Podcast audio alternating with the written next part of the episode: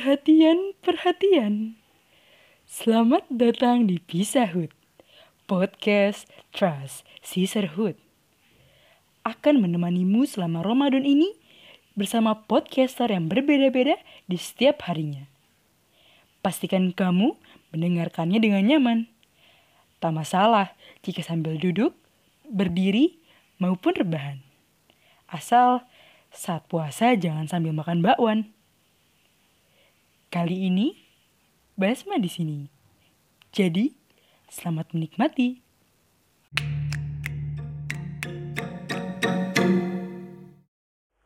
Puisi tentang amarah. Karya Mif Ainzesh.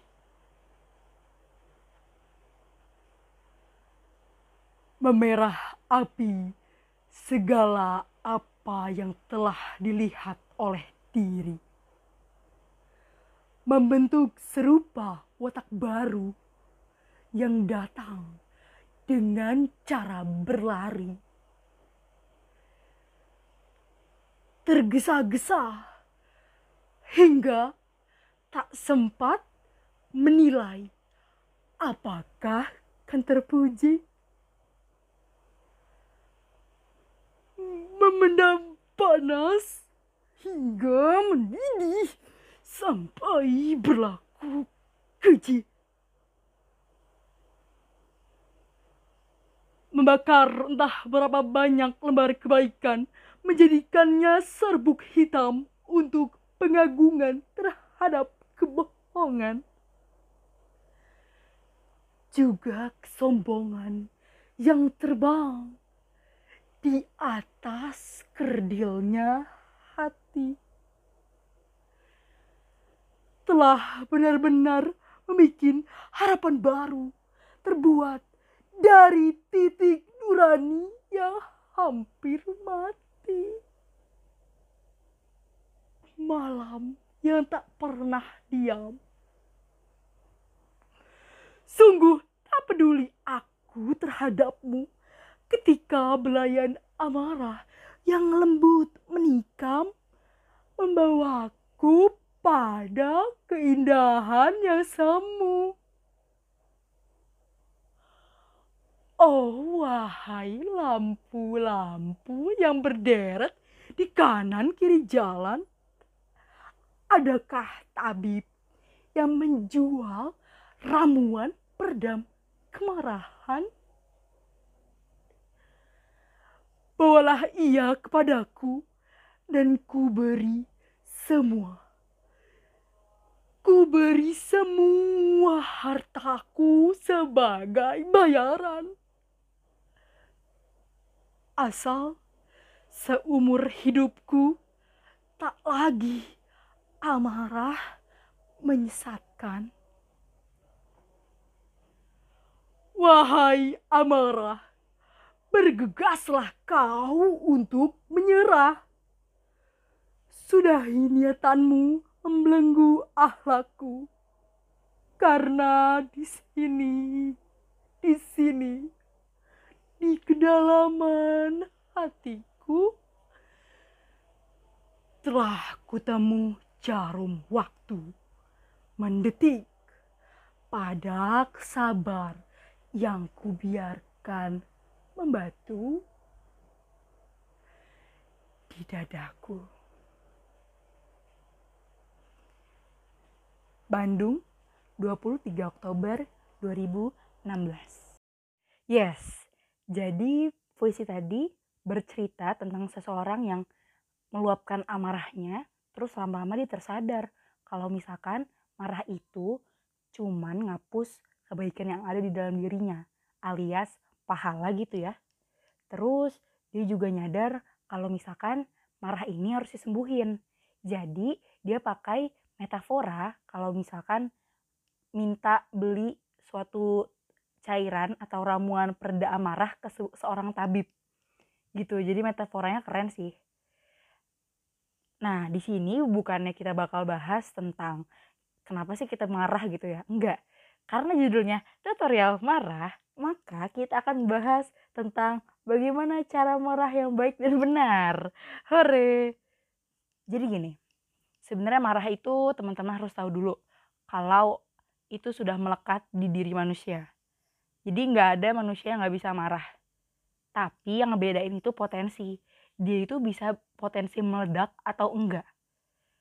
Mungkin teman-teman udah ngelihat fenomena yang ada ya.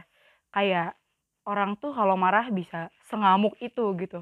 Lebih ngamuk daripada banteng. Atau dia juga bisa diem terus uh, bener-bener diem kayak kita bahkan nggak tahu gitu dia tuh marah atau enggak takut gitu kan ya terus ada juga yang sebenarnya dia diem diem atau nangis iya yeah, siapa tuh yang kayak gitu hmm gue kadang-kadang daripada marah pada waktunya maksudnya marah pas itu nanti kan itu sangat-sangat berpotensi buat nyakitin hati orang gak sih? Kita kan nggak tahu apa yang bakal keluar dari lisan kita dan apa yang diperbuat sama tangan kita. Bisa jadi terparahnya sih kita bisa teriak-teriak terus nyumpahin orang ya kan? Kita mukul kita banting pintu banting meja banting tulang. Eh kalau banting tulang malah bagus ya? Nah makanya biar hal itu nggak terjadi sebenarnya kita diminta untuk marah dalam diam. Jadi maksudnya kita tuh nggak perlu terlalu frontal dalam mengekspresikan kemarahan kita. Kan Rasulullah udah bilang ya di salah satu hadisnya yang paling masyur apa? La takdab wal jannah. Jangan marah maka bagimu syurga. Wih keren banget cuman gara-gara nggak marah doang dapat syurga coba. Kurang baik apa Allah? Tapi sebenarnya kalau didengar-dengar sekilas itu tricky ya dibilang katanya jangan nggak jangan marah maka bagi maka bagimu syurga sedangkan dari awal tadi argumen gue bilangnya kita itu boleh aja marah tapi mengekspresikannya yang harus diperhatikan. Dan ternyata bener aja ketika kita breakdown, maksudnya ada tafsir mengenai hadis itu, itu mengatakan kalau misalkan itu maksudnya kita nggak boleh marah dalam mengekspresikannya. Mengekspresikannya itu nggak boleh terlalu frontal dan dalam hal buruk. Jadi kita alihin energi marah kita yang menggebu-gebu itu buat hal lain. Contoh, misalkan kita itu paling gampangnya yang teman-teman tahu ya kalau misalkan kita lagi berdiri terus marah kita duduk kalau duduk kita tiduran ya kan dan karena marah itu dari setan jadi setan itu kan dari api maka cara untuk meredakannya itu ya kita wudhu pakai air ya yeah, make sense ya oke okay. Next setelah itu kita juga bisa sambil um, cari udara segar ataupun minum air minum air putih gitu kan jadi oksigen. Ini membantu buat mengcalm mengcalm down atau chill gitu tubuh kita. Dan itu kan tadi usaha-usaha ya tapi ini ada salah satu lagi kita itu harus sadar kalau misalkan kita tuh lagi marah gitu. Jadi kita harus sadar nih kalau misalkan kita udah deg-degan terus gigi tuh udah apa sih rahang itu sudah mengeras terus kita tuh udah kayak pengen marah gitu ya. Itu kalau udah kayak gitu kita harus sadar kayak oh gue lagi marah gue mau marah. Nah itu harus sadar dan reach um, kesadaran kita kembali gitu. Jangan mau kesadaran kita yang logis ini yang alam alam sadar kita ini direbut gitu sama amarah. Karena kan kita nggak tahu ya siapa yang nyetir kita ketika kita lagi marah. Ih serem banget kan? Dan cara untuk membentengi diri dari um, autopilot diri kita itu yang nggak tahu siapa yang mengendarainya itu pakai apa coba? Pakai ta'awudz karena kita harus berlindung sama Allah dari godaan setan yang terkutuk ya kan? Dari sana insya Allah kita benar-benar langsung bisa sadar diri lagi dan ya udah kita jadi diri kita sendiri gitu calm. Dan bentuk lainnya bisa juga kita alihin ke kegiatan-kegiatan yang memerlukan energi dahsyat itu atau besar. Contohnya kayak kita berenang ya kan? Asik tuh kan kecipak kecipuk kena air. Atau kita main olahraga boxing. Unboxing? Boxing? Wah unboxing mah itu ya. Bukan bukan. Boxing boxing. Ya jadi ninju kan puak puak puak. Tuh udah seru banget ya pokoknya. Udah mana samsaknya jauh gitu ya ketonjoknya ya kita juga tidak menyelakai siapa pun gitu. Asal jangan ada orang di belakang samsak kita ya sama aja dong. Nah terus selain itu kita juga bisa ngalihin ke ini kalian tau nggak yang time zone? Yang ada mainan gendang tako itu tau nggak? Gendang? Iya yang tek tek tek tek. Nah itu juga bisa. Selain itu kita juga bisa ngalihin ke masak kue iya masak kue itu contohnya donat.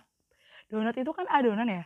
Nah adonan donat udah tahu sendiri harus dibanting-banting. Nah dengan energi kita yang besar itu insya Allah donatnya cepet kalis. Iya dong karena kan kita bener-bener ngeluarin itu tanpa paksaan dan tanpa energi lebih karena memang udah berlebih kan energinya jadi nggak perlu ada effort tambahan untuk nyelesain itu. Terus juga yang paling gokil atau yang paling apa ya ini jarang banget sih anti mainstream mengalihkan rasa amarah kita itu ke karya.